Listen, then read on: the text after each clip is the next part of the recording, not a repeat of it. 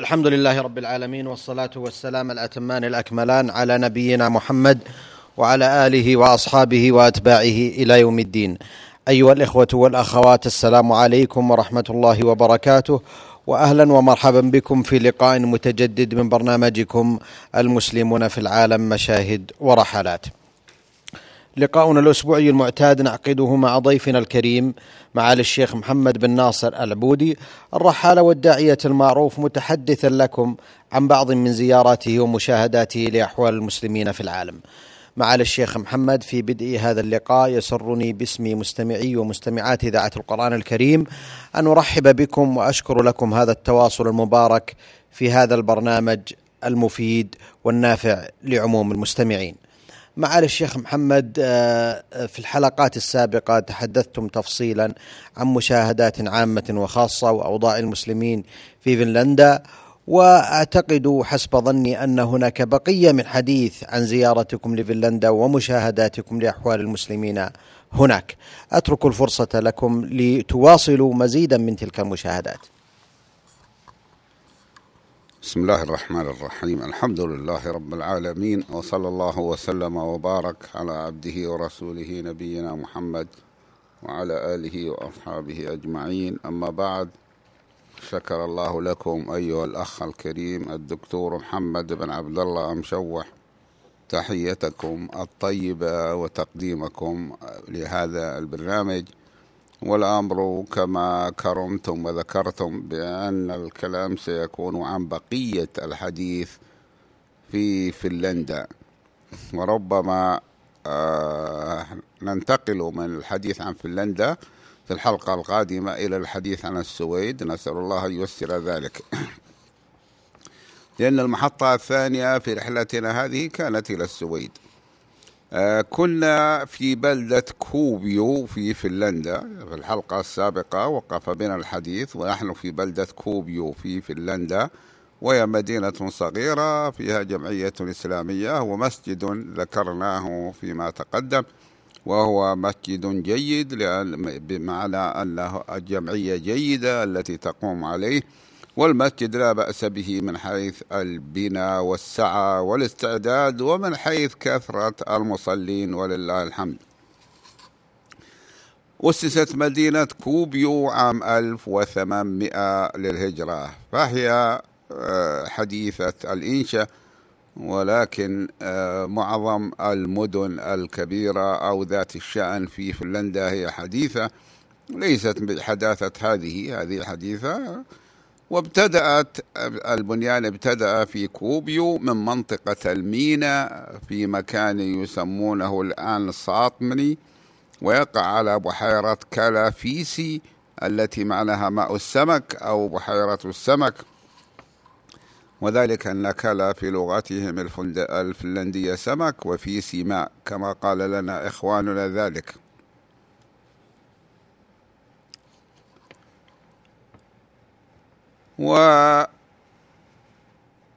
وقصدنا شارعا رئيسيا في مدينة كوبيو فسرنا فيه لكي نرى آه، معالم المدينة فرأينا مستشفى مهما أيضا وأهميته أن عليه هلالا ظاهرا بخلاف عادة النصارى بأن يكون على المستشفى صليب. والإخوة فوجئوا بذلك وقالوا لا نعرف لماذا استبدلوا الهلال بالصليب. قلت لهم ربما كان لأخوة من المسلمين فاستبعدوا ذلك لحداثة وصول المسلمين وربما لعجز بعضهم عن إنشاء مستشفى إلا إذا وجد له مستثمر مسلم اتفق معهم ومع الحكومة الفنلندية على ذلك. فربما كان هذا صحيحا ولكن الأخوة أرونا آه هذا الهلال رسم الهلال وهم مستغربين ذلك ونحن أيضا استغربناه ووجدنا آه يعني رأيناه نحن مكتوبا على المستشفى ولكنهم لم يعرفوا سبب وجوده. ومررنا بميدان من منطقة المدينة القديمة غير واسع ولكن اللافت للنظر فيه أنهم جعلوا عددا من الحجارة تبين الاتجاهات يعني بمثابة أسهم كل سهم منها أو ما كان بمثابة السهم متجه إلى جهة من الجهات الأربع التي الشرق والغرب والشمال والجنوب. بحيث إذا كنت فيه عرفت أين اتجاه الشمال والجنوب وهذا مهم جدا. ليس له مماثل إلا ما كان في البلدان الشديدة البرودة فإنهم يبثون مقاييس الحرارة يجعلونها في الميادين والشوارع الرئيسية حتى يعرف الناس أنا قلت الحرارة. وهي الحرارة ولكن البرود هناك البرود المراد بذلك البرودة. لأن البرودة هي الغالبة على الجو عندهم بخلاف الحرارة وهذا يجعلنا نتساءل لماذا لم نحن لا نقيس نحن درجة الحرارة وليس البرودة في الصيف في الشوارع. بعض الناس لا يعرف درجة الحرارة اليوم وربما يتعرض للشمس وهو لا يدري يكون خرج من مكان بارد مثلا. فينبغي أن تكون هناك مقاييس الحرارة هم يجعلونها في أوروبا وغيرها على هيئة آه، لافتات أو على هيئة الساعات كأنها ساعة موجودة في الشارع قائمة على مرتفعة. وهذا أمر في الحقيقة آه، مهم. ونرجو أن ينظر فيه في بلادنا.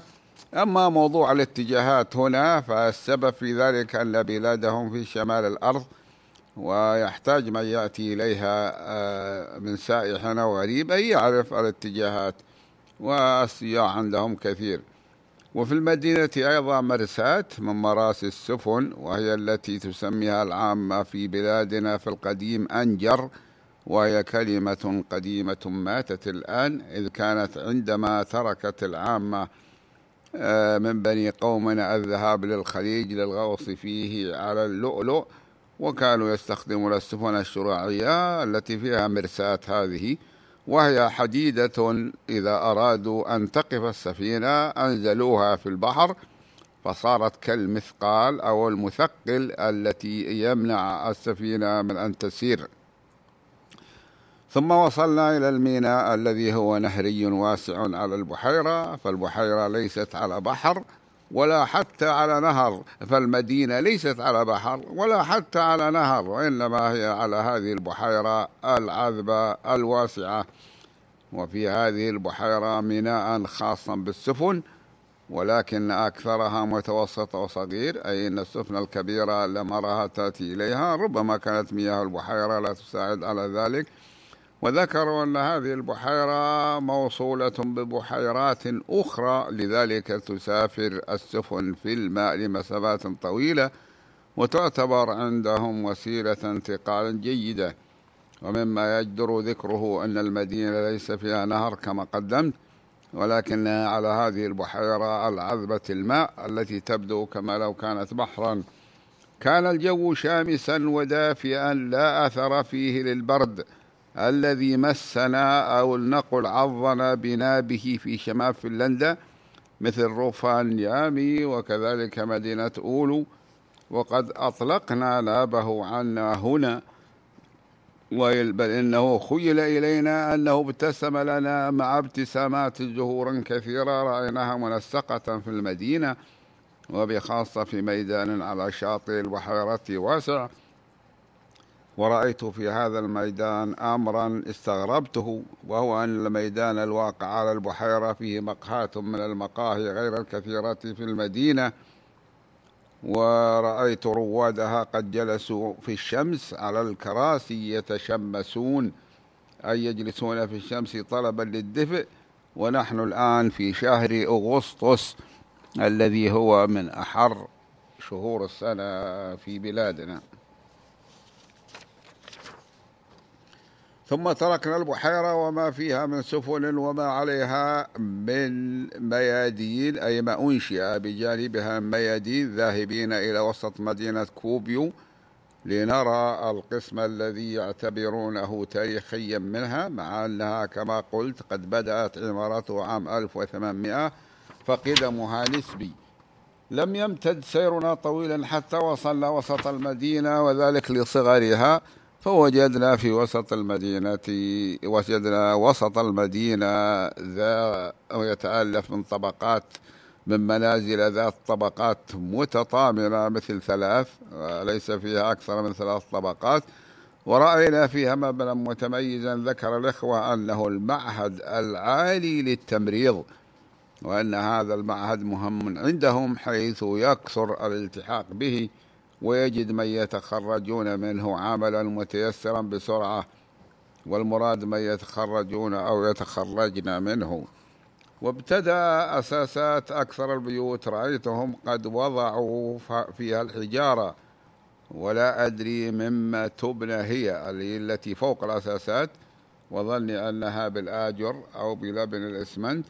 ذهبنا إلى جامعة المدينة لرؤية مصلى فيها أعطته إدارة الجامعة للطلاب المسلمين فيها مع أن عددهم ليس كبيرا فهم تسعة من الطلاب المسلمين منهم اثنان من العراقيين أهل السنة. ومع ذلك أعطتهم الجامعة مجانا غرفة أو مكانا ليصلوا فيه يؤدوا فيه الصلوات. وهذا أمر طيب جدا وغير موجود في روسيا إلا بأجرة. وفي روسيا وكذلك أيضا لا أدري هل ذكرته في أوكرانيا أم لا أن الجامعات قد تتسامح وتعطي المسلمين غرفة ولكن بنقد أي بأجرة. ويشترطون عليهم أنها ليست مسجدا وإنما هي مكان للاجتماعات. فالطلبة يأخذونها على أنها مكان للاجتماعات والصلاة الصلاة اجتماع ويصلون فيها. ولكن لا يؤذنون فيها ولا يشترطون عليهم ألا يكون لهم أصوات خارجة منها. ومع ذلك هي بنقود وللطلاب الذين يدرسون عندهم. لكن في فنلندا أعطتهم الحكومة هذا المكان مجانا مجاملة منها للمسلمين للطلبة المسلمين. ومصلى الجامعة هذا الذي أعطته الجامعة للطلبة هو غرفة صغيرة ولكنها رمزية وهي تستعمل للصلاة بالفعل وفي جانب منها آه، موقد كهربائي لإصلاح الشاي. صنعوا الشاي فيه وشربنا منه.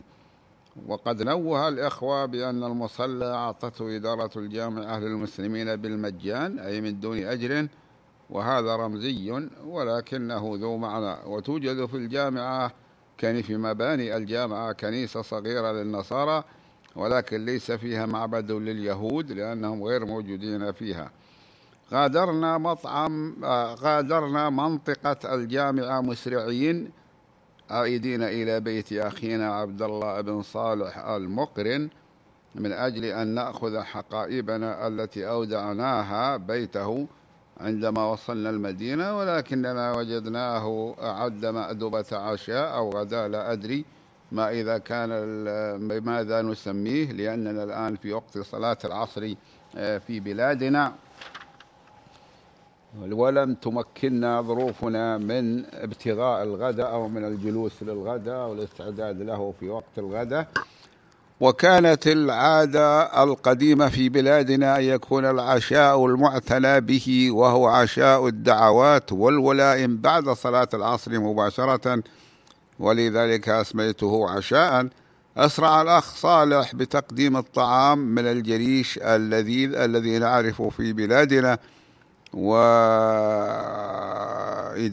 من لحم غنم فنلندا الجيد. وقلت للأخ صالح عندما رأيت الجريش مثل ما قلت له عندما رأيت الجدوع عنده أمس وهو التمر مع القهوة كما تسميها العامة.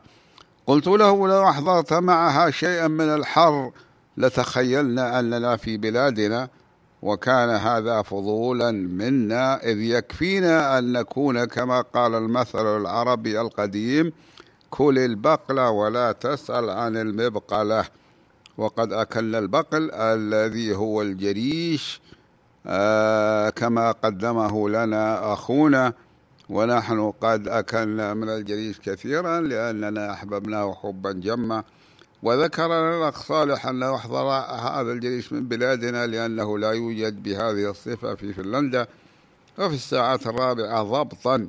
كنا نغادر منزل الأخ صالح المقرن وقد عاجلين وقد صحبنا مع بعض الإخوة إلى مطار كوبيو للسفر آه، إلى هلسنكي العاصمة عاصمة فنلندا. ومنها سنسافر بدون أن ندخل العاصمة إلى آه، السويد إلى مدينة ستوكهولم. وسوف نهبط في مطارها مطار هلسنكي دون أن ندخلها هذه المرة لأننا سوف نغادرها إلى ستوكهولم. من اللافت للنظر في المطار وجود طائرة حربية روسية كانت قد سقطت هنا قديما منذ سنوات.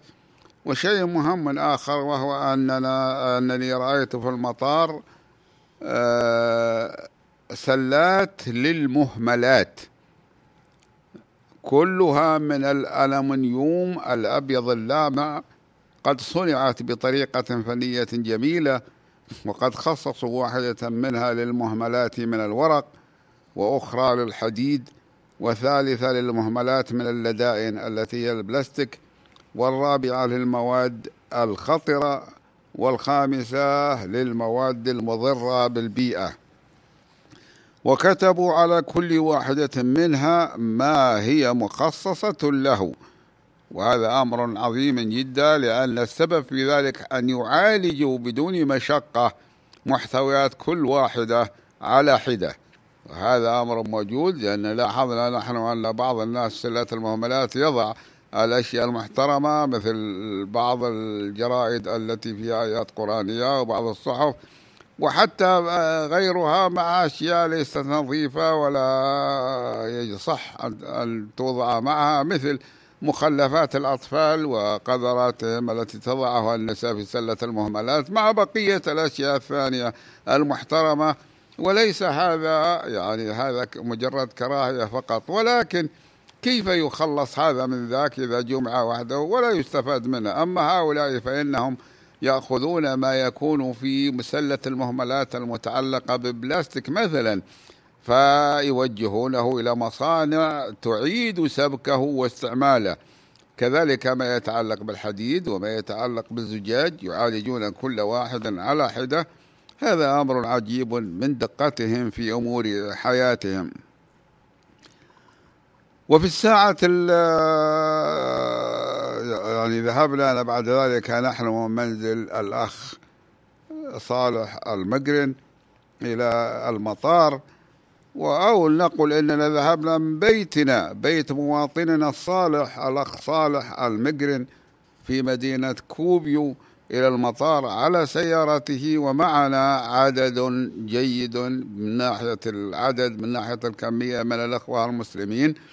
الذين كانوا يصلون معنا في صلوا معنا وصلينا معهم في المسجد وبعض الذين حضروا المأدبة التي أقامها الأخ صالح لنا آه، في بيته.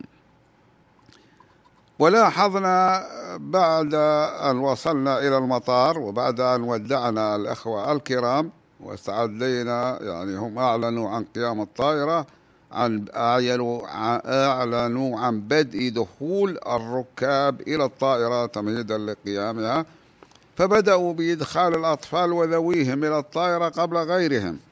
وهذا موجود في كثير من البلدان مثلا في بعض المدن البرازيلية ومرة في لندن رأيتها في الطائرات المتوجهة إلى أمريكا. يعني ليست قاعدة في بعض البلدان وهي أمر محبب. لأن الذين لديهم أطفال ربما لا يكونون منتظمين أو يتضايقون إذا كان معهم عامة الركاب أو يضايقونهم عامة الركاب. فدخول الأطفال بهدوء مثل إدخال المرضى بهدوء أو المقعدين أو الذين الذين يقال لهم أنهم من ذوي الاحتياجات الخاصة. فإذا قيل إنهم يدخلون قبل غيرهم فهذا مناسب وجيد. حتى إنهم يجلسوا مطمئنين وبدون أن يضايقوا أحدا أو أن يضايقهم أحد. وجميع الركاب في الطائرة كلهم من ذوي المظهر الأوروبي إلا أنا وزميلي في الرحلة الأستاذ رحمة الله ابن عناية الله المدير العام للدراسات في رابطة العالم الإسلامي ورجلا إفريقيا واحدا. وقد أثنى إخواننا المسلمون في عدة مناسبات. يعني كنا نتحدث في هذا في المطار قبل أن يعلن عن قيام الطائرة. أثنوا في عدة مناسبات قبل هذه وإن أنهم ليست لديهم أن الفنلنديين ليست لديهم تفرقة عنصرية وليست لديهم تم ليس لديهم تمييز ضد المسلمين. وهذا أمر لمسناه ولكنهم كرروا ذلك وأحب أحببنا أن نسمعه. وقد أعلن مكبر الصوت في الطائرة بعد أن دخلناها أن الطيران إلى هلسنكي التي هي العاصمة يستغرق 35 دقيقة فقط وذكروا أن مسافته هي 350 كيلومترا وذلك مماثل للمسافة من أولو إلى كوبيو غير أن المسافة بالقطار آه، يمر القطار يمر بمدن بلدان فيميل إليها فهذا يجعل المسافة أطول لأن الكيلومتر في القطار غير الكيلومتر بالطائرة. ولذلك إذا أرادوا قياس في الطائرة قالوا هو مثلا 350 كيلو مترا جويا لأن الطائرة تكون قاصدة فتقل المسافة وهذا أمر ظاهر. كانت ضيافة الطائرة متناسبة مع قصر زمن الرحلة فهي فنجان من القهوة أو الشاي وعصير معه عصير من الفاكهة مع حبات من البسكويت. وقد تجلت طبيعة البلاد الفنلندية من الطائرة فوق هذا الجزء من فنلندا الذي لم نحلق فوقه من قبل. فظهرت البحيرات والغابات كالتي رأينا مثلها من قبل. وعرفت هذا من هذا اليوم وقبله أن ما قيل من أن عدد البحيرات في فنلندا يبلغ 182 ألف بحيرة هو صحيح أو أنه لا يقبل الشك. وقبل الوصول إلى منطقة العاصمة هلسنكي رأينا طريقا سريعة حديثة فوقها جسور معترضة وعددا من الحقول المتشبعة الحقول التي هي واقعة بين الغابات في الغابات. وهتفت من دون تفكير ما أجمل هذه البلاد. إلا أنني عندما فطنت إلى ما تؤول إليه حالتها في الشتاء أضفت ما أجملها هذه الأيام. أما الشتاء فإنها تصبح هامدة ميتة ولولا النور الذي يعكسه الثلج الذي يجلل ببياضه الواسع الناصع كل البلاد لصارت أكثر كآبة وهي بلا شك أكثر إيلاما لمن يعيشون فيها في الشتاء مما نتصوره نحن الذين بقرب العيش منها. حدثني أحد الإخوة المسلمين في فنلندا وهو مهندس كمبيوتر. قال أنا أعمل في شركة لهندسة الكمبيوتر ولي زميلة فنلندية مهندسة كمبيوتر. قال وفي شهر أكتوبر بدأ بدأت الظلمة في الأفق وبدأ البرد وفي آخره بدأ الثلج يتساقط خفيفا. فرأيتها تقف في الشرفة في مكتب الشركة وتبكي والدموع تجري من عينيها بغزارة. قلت لها لماذا يعني أسألها هل حصل لك مشكلة؟ ممكن أساعدك قالت لا. هذا الجو كيف أتحمله خمسة أشهر ونصف بهذا الشكل؟ من الذي يتحمل هذا الجو البارد المظلم الكئيب؟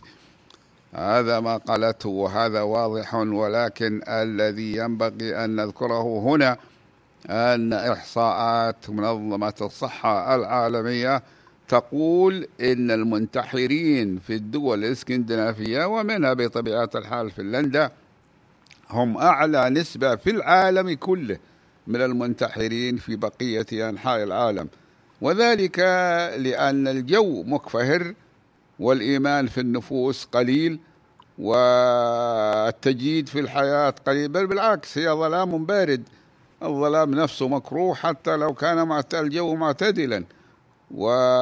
والبرد مكروه حتى ولو لم يكن فيه ظلام ولكن اجتمع الظلام والبرد وعدم الراحة في الانتقال لأن الجو كئيب صحيح. أن الإنسان إذا كان ملازما لحياته العادية بمعنى أنه يدخل إلى منزله فيجده مدفئا ويذهب إلى مكان عمله فيجده مدفئا لارتاح ولكن من الذي يقتصر في حياته على هذين الموطنين الإنسان يحب أن يتحرك ويرى ويشاهد ويكون حرا وبخاصة في تلك البلاد التي يعتمد الإنسان فيها على نفسه. يعني العلاقات العائلية والصحبة في البيت الرجوع البيت غير موجودة.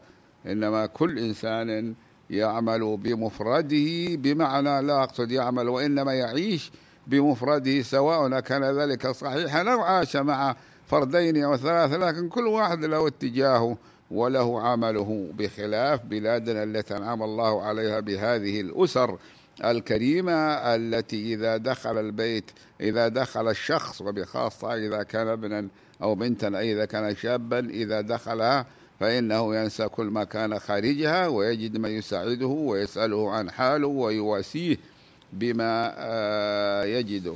هذا من فضل الله. ثم عندنا ولله الحمد الإيمان الذي يغمر قلوب كثير من الناس.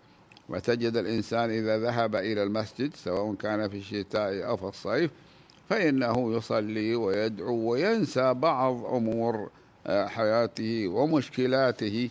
وإذا كان لم يفعل ذلك فإنه أيضا سيجد أناسا مثله. إذا كان شيخا كبيرا يجد أناسا من المعمرين مثله من الشيوخ الكبار في السن فيتحدث معهم ويتبادلون الحديث ويتبادلون ذكر نعم الله.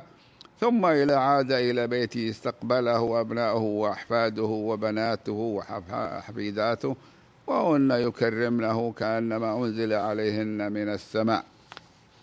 هذا من فضل الله الذي من علينا بهذا الدين الإسلامي الحنيف. ولكننا ينبغي أن نحمد الله عليه وأن نحقق آه، الإسلام كما ينبغي. عندما هبطت الطائرة في مطار هلسنكي كانت مدارج المطار محاطة بأعشاب برية مهذبة ولكن تعلوها صفرة قليلة ربما كان ذلك ليتخلف المطر أو لقرب حلول فصل الخريف عندهم. ووقفت الطائرة عند دهليز متحرك في المطار وهو الخرطوم يعني ممكن نسميه الدهليز أو الخرطوم إن شئت ولكنه خرطوم واسع تتحرك متحرك يتحرك داخله ركاب الطائرة على كثرتهم حيث ينقلهم من الطائرات إلى مباني المطار ورأينا المطار كثير الخراطيم بحيث لم نرى طائرة واحدة واقفة. بقربه في ساحة وقوف الطائرات آه، في المطار. لم يكن لدينا ما نعمله في المطار ولا إلا ختم الجوازات فيه لأننا كنا قد طلبنا منهم أن يرسلوا امتعاتنا إلى مدينة ستوكهولم حتى لا نحتاج إلى تسلمها من مطار هلسنكي. وقد ختمنا جواز وقد ختم جوازاتنا مكتب للجوازات داخل منطقة العابرين. شكر الله لكم على الشيخ محمد في ختام هذا اللقاء. توجه بالشكر الجزيل بعد شكر الله سبحانه وتعالى إلى معالي الشيخ محمد بن ناصر العبودي الرحاله والداعية المعروف والذي تحدث إليكم فيما استمعتم إليه عن إحدى زياراته لجمهورية فنلندا. نلقاكم أيها الإخوة والأخوات على خير في مثل هذا اليوم من الأسبوع القادم وهذه تحية من محدثكم محمد بن عبد الله مشوح. السلام عليكم ورحمة الله وبركاته.